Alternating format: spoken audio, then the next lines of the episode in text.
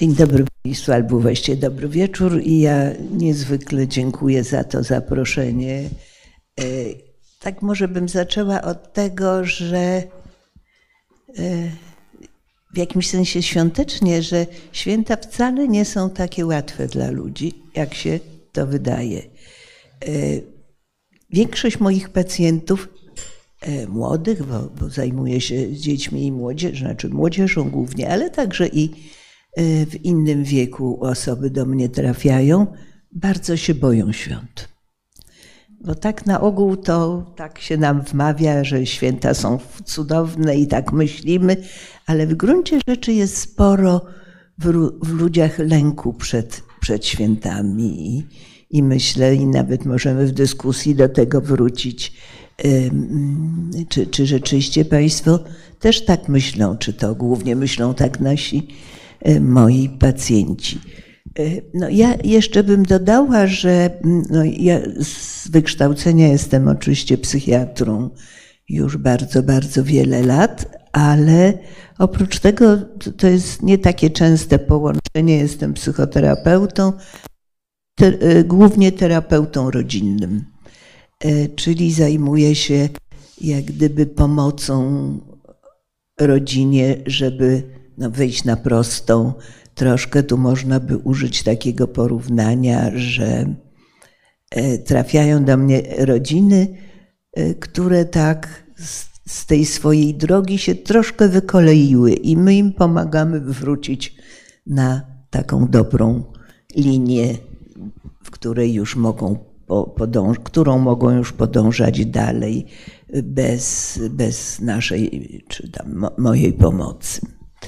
E, tytuł tego dzisiejszego rozmowy z Państwem, bo ja sobie to tak zaplanowałam, znając określenie kawiarnia naukowa, że ja tak niedługo, no maksymalnie pół godziny albo nawet krócej, trochę Państwu opowiem, a, a potem byśmy mieli czas na dyskusję, na pytania. Tytuł taki od rodziny nie można uciec na pewno jest dla Państwa, na pewno się Państwo zastanawiają, skąd taki tytuł. On po części jest związany z taką moją ostatnią książką, wydaną przez czasopismo Więź, poświęconą rodzinie i terapii rodzin, ale przede wszystkim z chęcią y, podzielenia się z Państwem y, z takimi uwagami, na temat tego, dlaczego rodzina jest taka strasznie dla nas ważna i dlaczego w gruncie rzeczy nie można niej, od niej uciec. Czasami by się bardzo chciało, ale niestety, albo marzymy nawet o tym, ale niestety, nawet jeśli dokonamy takiej próby, jak niektórzy ludzie, ucieczki w cudzysłowie przed rodziną gdzieś daleko do Stanów Zjednoczonych, czy gdzieś tam jak młodzi ludzie, czy nawet starsi, to się okazuje, że tą rodzinę w, jakimś, w jakiś sposób zabierają ze sobą. I ona ciągle jest z nimi. Także stąd e, takie moje refleksje, że trudno, od, od, właściwie nie można od E, rodziny uciec. Oczywiście odwołuje się także do swoich własnych osobistych doświadczeń i wiedzy o przeszłości mojej rodziny e, i jej wpływie na moje teraźniejsze życie. Jak gdyby się zastanawiałam, że gdyby mm, powiedzieć o, o innym jeszcze tytule, to można by powiedzieć, że mm, przeszłość naszej rodziny jest w teraźniejszości i w przyszłości, ale przede wszystkim e, jest w teraźniejszości, a także determinuje e, przyszłość. Ta moja wiedza o rodzinie, takim podstawowym narzędziem terapeutów rodzinnym, rodzinnych, które zaczęło funkcjonować no bardzo dawno temu e, w Stanach Zjednoczonych od takiego słynnego wy, wykładu jednego ze znanych terapeutów, który na zebraniu e, terapeutów e, amerykańskich, rodzinnych i terapeutów małżeńskich, to była bardzo duża liczba tych osób, około 4 tysięcy, przedstawił historię własnej rodziny, którą zbierał przez lata. No może przez lata przesadzam, przez rok, półtora jeździł po Stanach, bo jak Państwo wiedzą, w Stanach nie, nie są ludzie tak bardzo związani z miejscem, tylko najczęściej dzieci opuszczając dom przekracza, e, przemieszczają się, no nie wiem, 3000 kilometrów w inne miejsce i spotykają się z rodziną, albo właśnie niedawno na święto dziękczynienia, nawet rzadziej na święta, bardziej na święto dziękczynienia. I on przedstawił swoją rodzinę taką po prostu próbował dotrzeć do wszystkich swoich członków rodziny, e, żyjących, rozmawiać o nieżyjących. Twierdził, że dla niego samego ta wiedza o rodzinie była czymś niezwykłym, ale także dla tych ludzi, z, którym, z którymi rozmawiał, i często do niego potem dotarły od nich wiadomości, jak wiele te rozmowy o przeszłości rodziny zmieniły. I narysował to na takim wielkim e, no, plakacie czy na wielkiej tablicy, i to zostało nazwane genogramem. I to jest takie nasze podstawowe Y, podstawowe narzędzie pracy. Y, I genogram to można by powiedzieć, że jest czymś tak jak drzewo genealogiczne, o którym Państwo wiedzą, y, które jest rozpisane, no i wygląda tak jak właśnie drzewo zbierające kilka pokoleń rodziny, tylko na to są naniesione fakty i emocje. Czyli na przykład jakie emocje łączą poszczególnych członków rodziny. I taka moja wiedza o, o przeszłości swojej rodziny to, to właśnie pochodzi z pierwszego genogramu, który był no, w Stanach Zjednoczonych, co było dla mnie trudne, bo, bo byłam sama, znaczy byłam z całą swoją rodziną, ale y, bez swojej mamy i i nie miałam od kogo czerpać takich wiadomości, a przedtem e, dosyć e, tak nie, niewiele wiedziałam o przeszłości rodziny. No trochę o burzliwych dziejach mojego taty, który zmarł jak miałam 12 lat, ale potem moja mama, będąca osobą niezwykle pragmatyczną i realistyczną, to emocjami się tak bardzo nie zajmowała. Wtedy oczywiście nie można było dzwonić, bo były to lata, kiedy nie było telefonów komórkowych, ani można, jedyna rzecz, którą można było, no to gdzieś zadzwonić, ale no, wobec czego pisałam stale listy i e, potem już moja mama jakoś zadzwoniła i powiedziała, Boże, co się z tobą dzieje w tych Stanach? Dlaczego ty tak wypytujesz o różne rzeczy rodzinne? I też y, ten, byłam w takim szkoleniu w zakresie terapii rodzin i w trakcie tego wykonywania gedogramu mm, uświadomiłam sobie, jak jest olbrzymia, to już tak na marginesie mówię, olbrzymia różnica e, wiedzy o świecie między no w końcu terapeutami amerykańskimi, czyli wykształconymi ludźmi operującymi co najmniej dwoma językami, mającym dużą wiedzę o świecie, bo pamiętam, że w momencie, kiedy zaczęłam mówić, że takim ważnym znaczeniem, takie ważne znaczenie w mojej rodzinie miała śmierć wszystkich członków rodziny mojej mamy jednego dnia w powstaniu warszawskim, bo, bo, bo tak było, że po wojnie mama się dowiedziała, mieszkała ze mną i z ojcem w innej dzielnicy i potem jak Państwo wiedzą, zostaliśmy przeniesieni, ewakuowani wszyscy do Pruszkowa. Nie miała dostępu do, do swojej mamy, ojca i trzech braci, którzy byli, walczyli w powstaniu i przyszli odwiedzić rodziców i wszyscy zginęli jednego dnia, bo w ten dom trafiła bomba, ale o tym się mama dowiedziała już po, mm, po powrocie do, do zburzonego miasta, jak tam poszła i jakoś tak domyśliła się, że nikt nie żyje. Ale dlaczego o tym mówię? Że to było szalenie ciekawe, bo mnie wtedy e, ktoś, ten chyba szef, który prowadził to szkolenie, powiedział: No ale dlaczego ukrywałaś przed nami, że jesteś Żydówką? Ja byłam zaskoczona i mówię, że, że no, nie jestem, ale nigdy bym tego w życiu nie ukrywała, już na pewno nie w Stanach Zjednoczonych.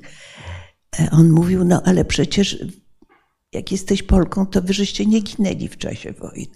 To było dla mnie niesamowite, że Amerykanie myśleli, że Polacy nie ginęli w czasie wojny, albo ginęli, no oczywiście, że, że ginęli, ale w jakimś takim niewielkim ilości, że jak takie nieszczęście, no to tylko e, w ramach Holokaustu, czy, czy, czy tego, co, co mogło się stać, zanim by nas wywieziono gdzieś. I, i zresztą te genogramy, które potem wy, wykonuje całe życie z rodzinami, a też są podstawą szkolenia terapeutów, bo każdy z terapeutów musi przejść własny y, genogram. Ponieważ jestem superwizorem i uczę terapii rodzin, no to wykonuję mnóstwo takich, no, no, no, bardzo wiele tych genogramów i one mnie strasznie dużo nauczyły o Polsce, o różnych zwyczajach różnych dzielnic Polski, bo nam się wydaje, że jesteśmy bardzo homogennym krajem,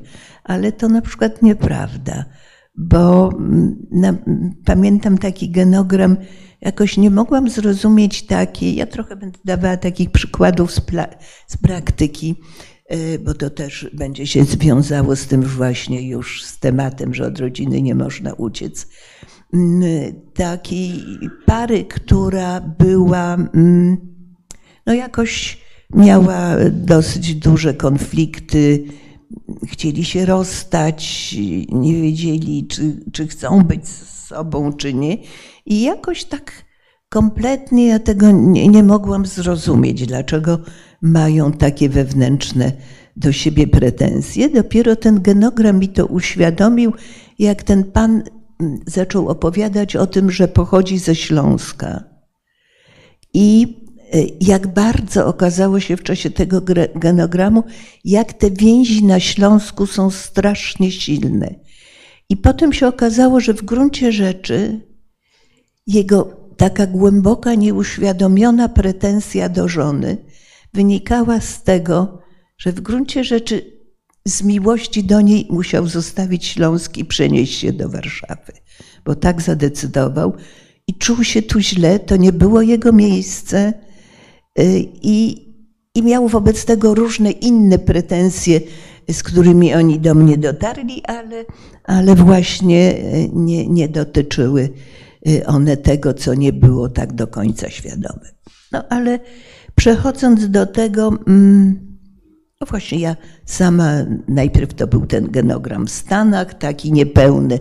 Potem jak wróciłam i moja mama jeszcze żyła, to, to uzupełniłam dużo faktów i e, e, potem jeszcze dwa razy miałam okazję go zrobić w takim już szkoleniu zaawansowanych dla, e, dla terapeutów.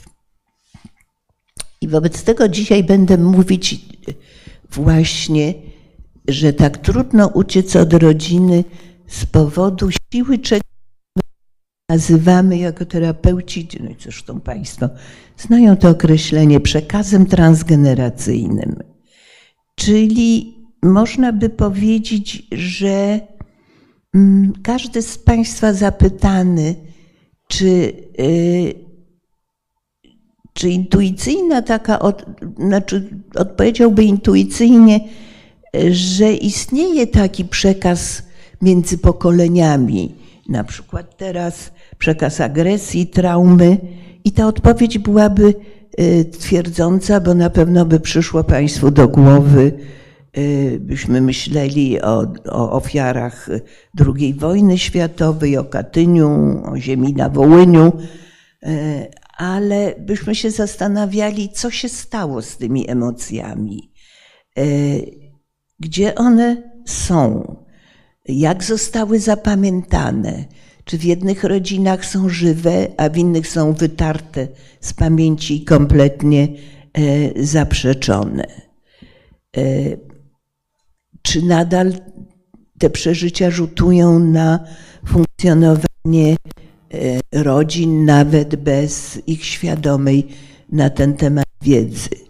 Myślę, że ten przekaz transgeneracyjny traumy w relacji Polski z Ukrainą ma duże znaczenie dla stopnia naszej pomocy. Że jak gdybyśmy chcieli wreszcie zreperować to wszystko, co się stało między tymi narodami i jak gdyby, żeby ten przekaz transgeneracyjny nie był tak negatywny, jak był przez jeden, przez długi okres, a zwłaszcza dlatego, że się o nim nie mówiło i nie można było mówić. Warto tutaj przytoczyć stwierdzenie jednej z najbardziej znanych takich terapeutek rodzinnych, Martini McGoldy, która mówi, że, że nie da się zniszczyć historii rodziny i historii wielu pokoleń, tym samym historii społeczeństw i naszego społeczeństwa, bo ona jest stale obecna, choć często w niewidzialny, a czasami w związku z tym w taki destrukcyjny sposób. I ta historia przeszłości naszej rodziny ciągle nawiedza naszą rodzinę, czy to w naszej relacji małżeńskiej, czy w wyborach dróg i celów życiowych, nawracania w sposobach uporania się z żałobą. Co więcej, im więcej usiłujemy blokować pamięć przeszłości w naszej rodzinie, w tym bardziej dramatyczny sposób e, może e, ona do nas wracać. I ja jeszcze to zaraz uzupełnię takimi no, przykładami, żeby łatwiej było zrozumieć.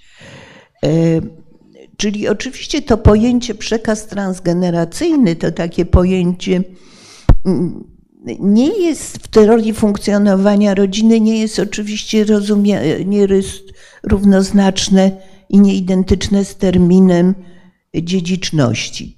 ta teoria transgeneracyjna zakłada, że istnieje mniej lub bardziej świadome przekazywanie pewnych przekonań, wizji człowieka, wizji świata, żałoby, uczuć, zwłaszcza lęku z pokolenia na, na pokolenie, ale także, że zasoby i, i siły członków rodziny, ich niezwykłość y, też jest przekazywana z pokolenia na pokolenie.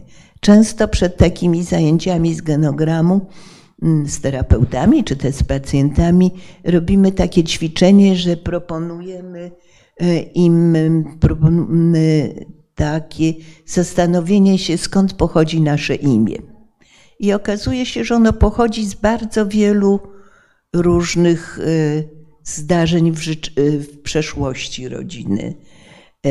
I kto nadał to imię, kto decydował, to wszystko są czasami fakty bardzo związane z przeszłością rodziny i często na przykład dziecku nadaje się imię jakieś, na przykład jeśli to urodzi się niemowlę kobiety, znaczy niemowlę płci żeńskiej, to często dostaje imię kobiety, która w historii rodziny była przykładem siły, heroizmu, poświęcenia, wszystkich jakichś takich możliwie pozytywnych Y, uczuć. A często to są no, y, bagatelne y, oczywiście imiona, tak zabawne, jak kiedyś pan powiedział, jeden z terapeutów, że to on zdecydował o nadaniu imienia córce, bo na kilka dni przed porodem żony byli w, na jakimś filmie i aktorka grająca była tak piękna, że sobie pomyślał, że ta córka będzie równie piękna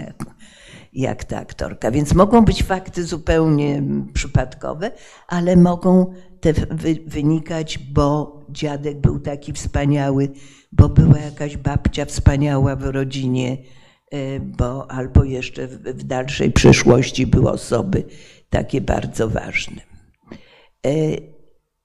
Też zdarzenia z przeszłości rodziny, często bardzo odległej, tak jak już powiedziałam, mają wpływ na to, co się dzieje teraz e, w naszej rodzinie, poprzez jest takie pojęcie niewidzialne lojalności. E, takie więzy lojalnościowe z pokolenia na pokolenie, z których o dziwo dla Państwa i na początku dla mnie, najsilniejsza jest w gruncie rzeczy lojalność dzieci wobec rodziców. Nie odwrotnie. Każdy z nas intuicyjnie by powiedział, że to my jako rodzice jesteśmy lojalni wobec dzieci, szczególnie silne.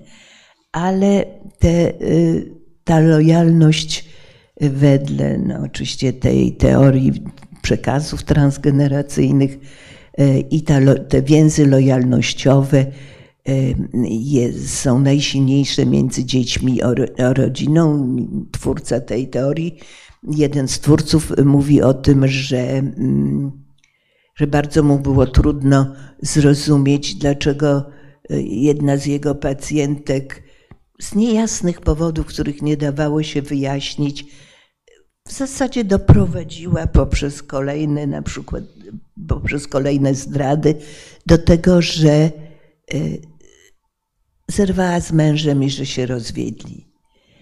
A co się okazało, że zrobiła to dla swojego ojca, który był sam i uważała, że, że ona powinna być z nim. Oczywiście można powiedzieć, no Boże, to jakieś coś dziwnego, ale to, to właśnie oznacza tę taką siłę tych więzów lojalnościowych. Oczywiście, że jest to prosty przykład, ale, ale cała sytuacja była bardzo skomplikowana, bo, bo w tej rodzinie zawsze mężczyzna zostawał sam i, i ktoś mu ktoś, któreś z dzieci, był taki przekaz, że któreś z dzieci musi mu pomagać. Tak samo dobrze Państwo wiedzą, że w wielu rodzinach jest powtarzający się przekaz, kto się ma opiekować starszymi rodzicami. Dawniej w naszym społeczeństwie było to ostatni mężczyzna albo ostatnie dziecko, które dziedziczyło dużo po rodzicach, ale musiało się nimi opiekować i czasami od tego przekazu było strasznie trudno uciec. To dziecko y, identyfikowane do opieki nad rodzicami miało inne plany, chciało gdzieś wyjechać, chciało nie być w tej rodzinie, a, a ten przekaz zmuszał je do, do pozostania y, z rodzicami. Y, te efekty tych więzów lojalnościowych mogą być bardzo silne i mogą się objawiać po kilku pokoleniach. Na przykład bardzo często mm, żałoba jest y, y, jak gdyby objawia nieprzeżyta żałoba, bo uważa się, i to pewnie Państwo rozumieją bez moich uwag, że żałoba powinna być przebyta. Oczywiście, że teraz kultura pozbawiła nas mnóstwa rytuałów przeżywania żałoby. To na ogół się sprowadza do pogrzebu i koniec, i, i tego, żeby się pozbierać szybko i pójść do pracy. A i to, to oczywiście pewnie jest bardzo duży błąd. No ale ta nieprzeżyta żałoba, taka, a szczególnie zaprzeczona, może się objawiać naprawdę dwa pokolenia później w tym, że ktoś w rodzinie ma niewytłumaczoną ciężką depresję i jak gdyby przeżywał tą depresję, przeżywał tą żałobę, można by powiedzieć, za tego członka rodziny, który e, jej nie, prze, nie przeniósł, nie przeżył. Mm, znam pacjenta, który, znaczy mam pacjenta, e, który mm, miał bardzo ciężką, powtarzającą się depresję i skierowano go do mnie na terapię rodzinną, bo wszystkie takie no, farmakologiczne sposoby tej depresji zawodziły. I okazało się przy analizie właśnie jego gonogramu, że dwa pokolenia wcześniej ta e, żałoba po kimś, kto zginął tragicznie, była absolutnie zaprzeczona i jak zaczęliśmy o tym wszystkim rozmawiać, zaczęliśmy rozmawiać o przekazach w tej rodzinie, to powoli ta depresja, którą przeżywał za kogoś, przestała, przestała, y, zaczęła się cofać. Również y, jedna z pacjentek, w której rodzinie była taka nieprzeżyta żałoba, wyszła y, za mąż za człowieka, o którego poznała jak był bardzo głęboko depresyjny i jak gdyby poprzez bycie z nim przeżywała tą nieprzeżytą żałobę w rodzinie. Ale to nie tylko chodzi o żałobę.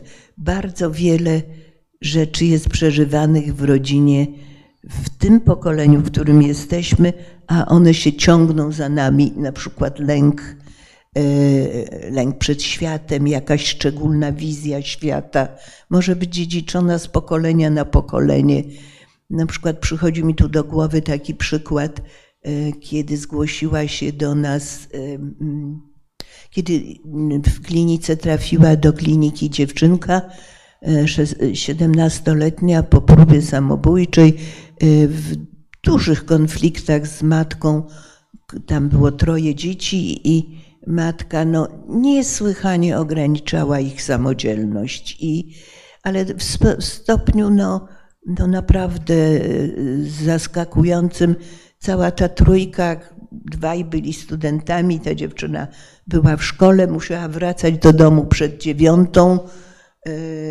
Mama, która była chora na cukrzycę, miała taki straszak, że jak nie wrócą, jak się spóźnią, to będzie stała w oknie i czekała na nie, a poza tym rozwijała, jak zapytaliśmy, czego ona się boi. Dlaczego te dzieci muszą tak wcześnie wracać? Rozwinęła no, przerażającą wizję świata, że im grozi, albo, ich, albo kogoś z nich zgwałcą.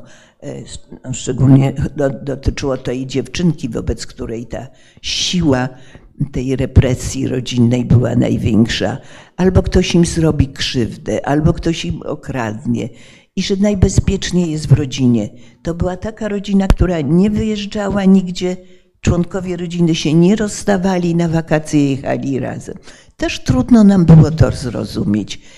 I okazało się, jak zaczęliśmy rozmawiać o rodzinie, o przeszłości tej rodziny, to okazało się, że dwa pokolenia i matka dużo, jak gdyby dopiero w czasie tej rozmowy zaczęła sobie przypominać o tym wszystkim. E, to e, się okazało, że, mm, że prababka, czyli dosyć daleko tej dziewczynki, czyli matka, babka matki, została zgwałcona, kiedy e, chciała wyjść na jakieś takie jak to nazwać wtedy, to, to była wiejska rodzina, e, ubłagała rodziców, żeby ją puścili. Rodzice twierdzili, że nie powinna wychodzić z domu, bo będzie wracać późno. No i doszło do jakiegoś nieszczęścia, e, gwałtu, i ta rodzina już potem była cały czas w depresji, że nie postanowiła inaczej, że puściła tą dziewczynkę.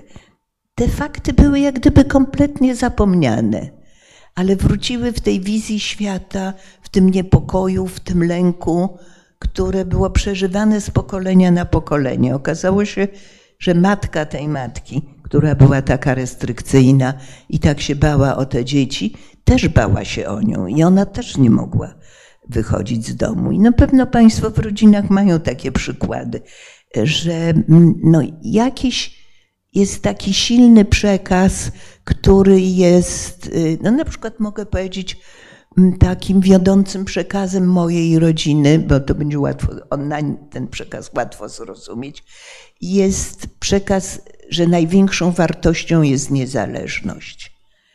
I to był przekaz y, ze strony mojej mamy do mnie, z mojej strony do mojej córki, która też jest psychiatrą, z jej strony, mimo że wiedziała i już miała ze sobą genogram i rozmawiała o tym, to też wychowała dwójkę moich dorosłych już wnuków po studiach, w trakcie kończących studia, z poczuciem, że najważniejszą jest rzeczą niezależność. I oni są absolutnie niezależni, można by powiedzieć, że chorobliwie aż niezależni. Dopiero ja teraz usiłuję pokazywać im, że e, po, po przerobieniu tego mojego genogramu, że bardzo duża niezależność ma swoje minusy, bo utrudnia relacje z drugim człowiekiem, bo nie bardzo się chce, jak się człowiek chce być niezależny, to nie chce wchodzić w relację, która wymaga zależności.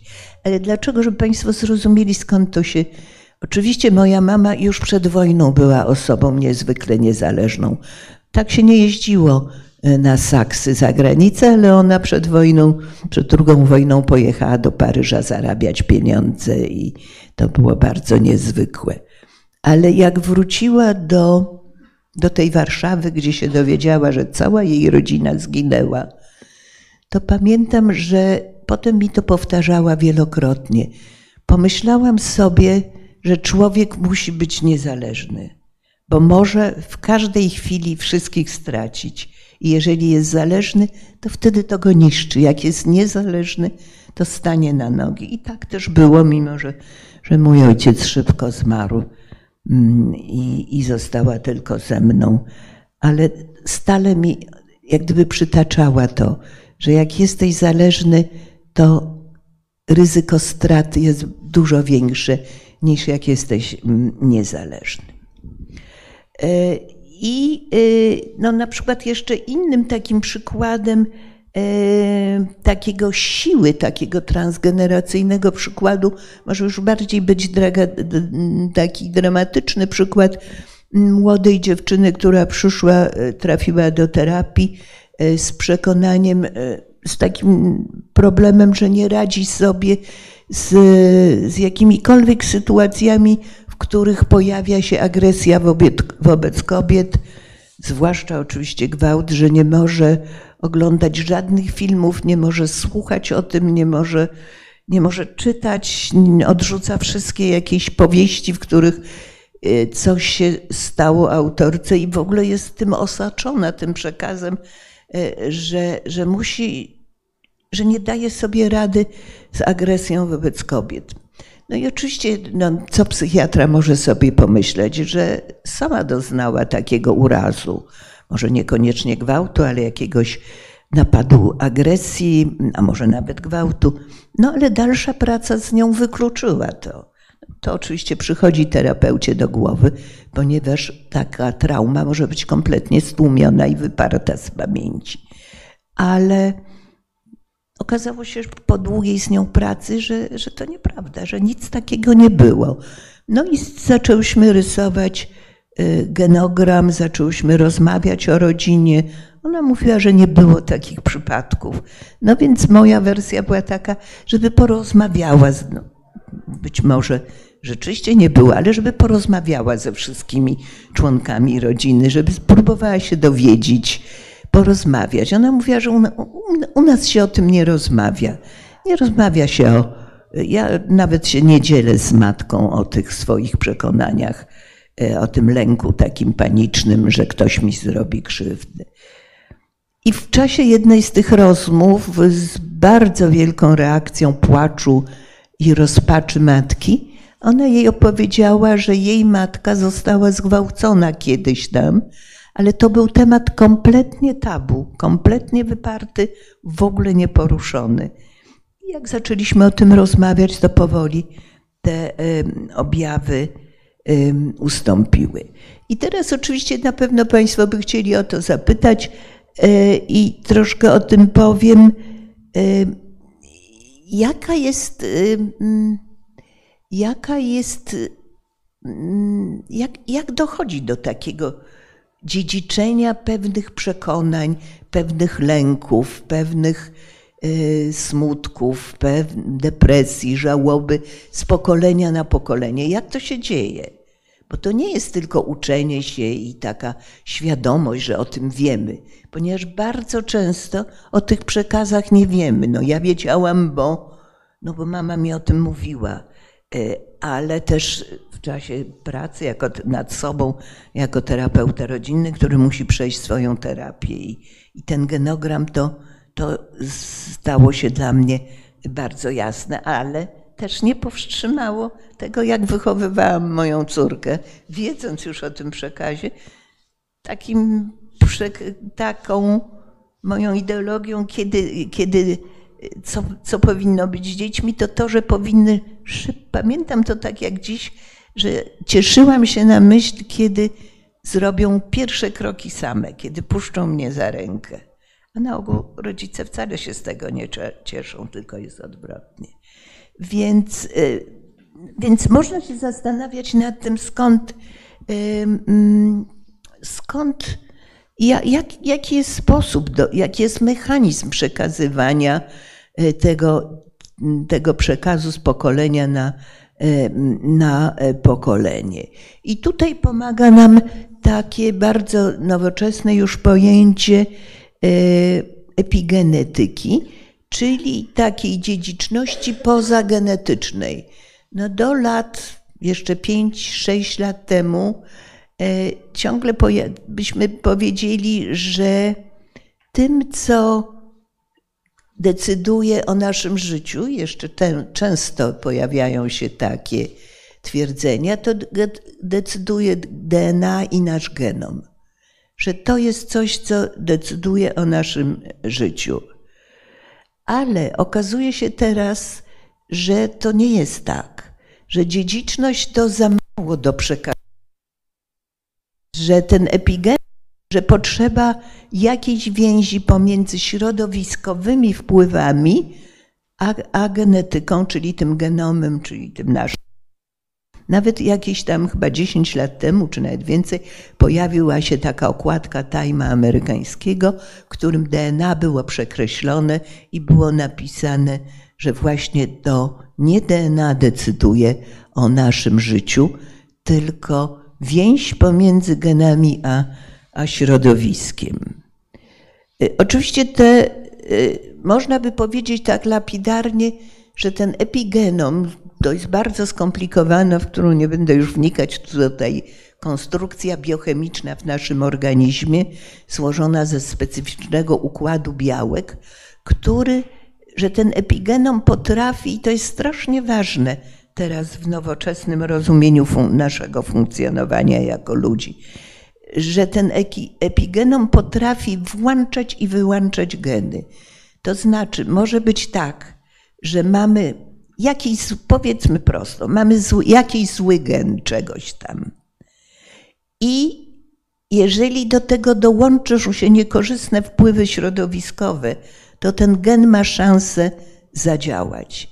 Jeśli jesteśmy w wyjątkowo pozytywnym środowisku, to to środowisko poprzez ten epigenom może wygasić ten gen. Czyli nie jesteśmy takimi ofiarami genów i dziedziczności, ponieważ jest ten epigenom potrafi aktywować geny i dezaktywować. Czyli może ktoś mieć, no powiedzmy na przykład, no, nie ma nic takiego, ale gen schizofrenii. Wiadomo, że takiego jednego genu nie ma. I bardzo, jeśli jakieś niekorzystne sytuacje rodzinne zwykle relacyjne w rodzinie y, są naprawdę niekorzystne, to ta, zaistnienie tego genu jest dużo, dużo silniejsze i jest dużo większa szansa, że ten człowiek zachoruje. A może być tak, że środowisko jak gdyby zredukuje y, ten gen. To oczywiście trudno sobie wyobrazić, nie znając tych y, szczegółów, ale, ale teraz się uważa, że w zasadzie to, jacy jesteśmy, to jest coś, to jest, to jest interakcja genów i środowiska.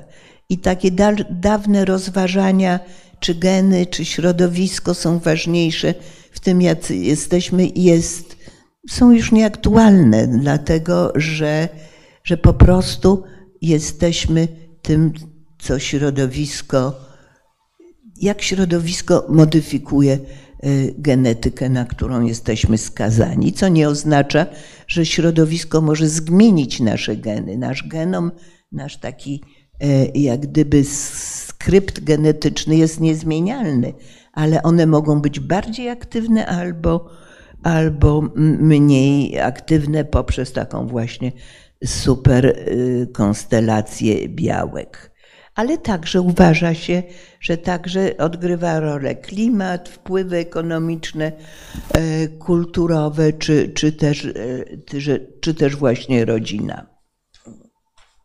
E, I stres emocjonalny. Czyli to DNA jest takim naszym skryptem na życie, ale jak gdyby jest używane dość dowolnie ten skrypt w zależności od środowiska, w którym jesteśmy. No, na przykład bardzo to łatwo zrozumieć, tą epi, epigenetykę, y, ponieważ analizowano różnice w życiu i chorowaniu bliźniąt jednojajowych o całkowicie identycznym genomie, a jednak wcale, oczywiście, że oni są tacy sami, nie można ich rozpoznać, wszystko, ale dalsza historia życia. Oczywiście, że bardziej często słyszymy o tym, że, że chorują na to samo, ale to nie do końca jest prawda. Te przykłady są, były dawniej podawane. Bliższa analiza pokazała, że wcale nie, czyli muszą istnieć jakieś inne czynniki, które wpływają na, na to identyczne DNA, DNA, które mają. E, bardzo mm, takie ciekawe są różne próby takich wyjaśnienia, wyjaśnienia tego, jak to zwykle bywa e, na, na przykład na, na zwierzętach do zrozumienia tej epigenetyki. I na przykład jest taki eksperyment bardzo znany, który rozpoczął podłoże tej e, epigenetyki, że w drodze takiego warunkowania, czyli poddawania myszy wychowanych identycznie z, tego, z tych samych miotów, w tych samych e, warunkach, poddawano te myszy wstrząsom elektrycznym, który kojarzono z zapachem wiśni. No jak łatwo się domyśleć, potem nie trzeba było wstrząsów, e, zapach wiśni wystarczał, żeby myszy reagowa reagowały panicznym lękiem i chowały się po kątach. Ale co się okazało? Że ich dzieci reagowały na zapach, e, na zapach wiśni, czyli jak gdyby następne pokolenia tych i dzieci, dzieci też. Czyli, nas, czyli to wskazywało, że nawet u zwierząt może trauma być e, dziedziczona. E, I, I tutaj uważa się, że być może właśnie ten epigenom jest jednym z czynników odpowiedzialnych za taki nieświadomy, transgeneracyjny przekaz y, rodzinny. Jest też już sporo w tej chwili badań na ludziach. No, wszyscy Państwo wiedzą, że mówi się o dziedziczeniu traumy Holokaustu w drugim i w trzecim pokoleniu Żydów, że jest bardzo wiele badań, że mm, to się ten Holokaust się dziedziczy i dziedziczy się w postaci lęku, w postaci nawracającej depresji, e, mimo że jak gdyby to drugie czy trzecie pokolenie jak gdyby miało już to za sobą, miało e, przepracowane traumę, a, a jednak e, w jakimś sensie dziedziczyło ją po rodzicach. Są też badania bardzo ciekawe nad kobietami, które mm, przeżyły 11 e, września w Stanach Zjednoczonych, e, czyli ten atak na, na wieżę. E, I, mm, ale, I porównano ich dzieci z dziećmi kobiet, które no nie przeżyły tego tak. No, na, wybrano grupę kontrolną z takiej odległej części e, Nowego Jorku. Na pewno te kobiety e, w tym no, ani nie miały nikogo w rodzinie, a no, oczywiście obserwowały w telewizji, ale mm, no, mm, same e, nie, ani nie były tam obecne poza tą właśnie obserwowaniem w telewizji. I co się okazało? Że mm, dzieci tych matek, które no były blisko albo mieli kogo, miały kogoś w rodzinie, kto zginął, że dzieci tych matek były dużo bardziej lękowe niż dzieci y, matek nie mających, no, na które ten holokaust, y, na które ten World Trade Center, nie, to nieszczęście tak nie zadziałało. Y, I, i w ogóle miały dużo więcej, na przykład dużo gorzej reagowały na hałas, e, na łunę i też e, dużo gorzej reagowały e, nie tylko lękiem i podwyższonym takim progiem hałasu, ale dużym wycofaniem społecznym. Więc to, to, to pokazuje, że jak gdyby traumę możemy dziedziczyć w sposób taki no, dający się, dający się jak gdyby stwierdzić w badaniach naukowych. I czyli można by powiedzieć, że ta struktura DNA tych dzieci, czy tych kolejnego pokolenia Holokaustu, czy tych dzieci, tych matek nowojorskich była związana z urazem psychicznym rodziców. No niby DNA nie zostało dotknięte, ale jak gdyby ono reagowało aktywacją e, niepokoju, lęku, którego nie było w tej grupie kontrolnej. Czyli można by powiedzieć, że oprócz tego e, dziedziczenia takiego no, oczywistego, genetycznego, jest to takie dziedziczenie poza, pozagenowe. E, I ci epigenetycy twierdzą, że ponieważ to wszystko, ten epigenom wiąże się ze strukturą badań, strukturą białek, to bardzo ważne jest, kim byli nasi, nasi dziadkowie, jak żyli, co czuli, co przeżywali, ale także jak się odżywiali, e, e, jak, jakie traumy im towarzyszyły i jak dawali sobie radę. Bo jest duża szansa, że jeżeli w poprzednich pokoleniach e, rodziny dawały sobie radę z traumą, to i my damy sobie lepiej radę z taką traumą. Czyli można by powiedzieć, że przychodząc na świat, już tak reasumując, żeby kończyć, e, że przychodząc na świat, dziedziczymy nie tylko geny naszych rodziców, ale historię ich życia i historię poprzednich pokoleń rodziny.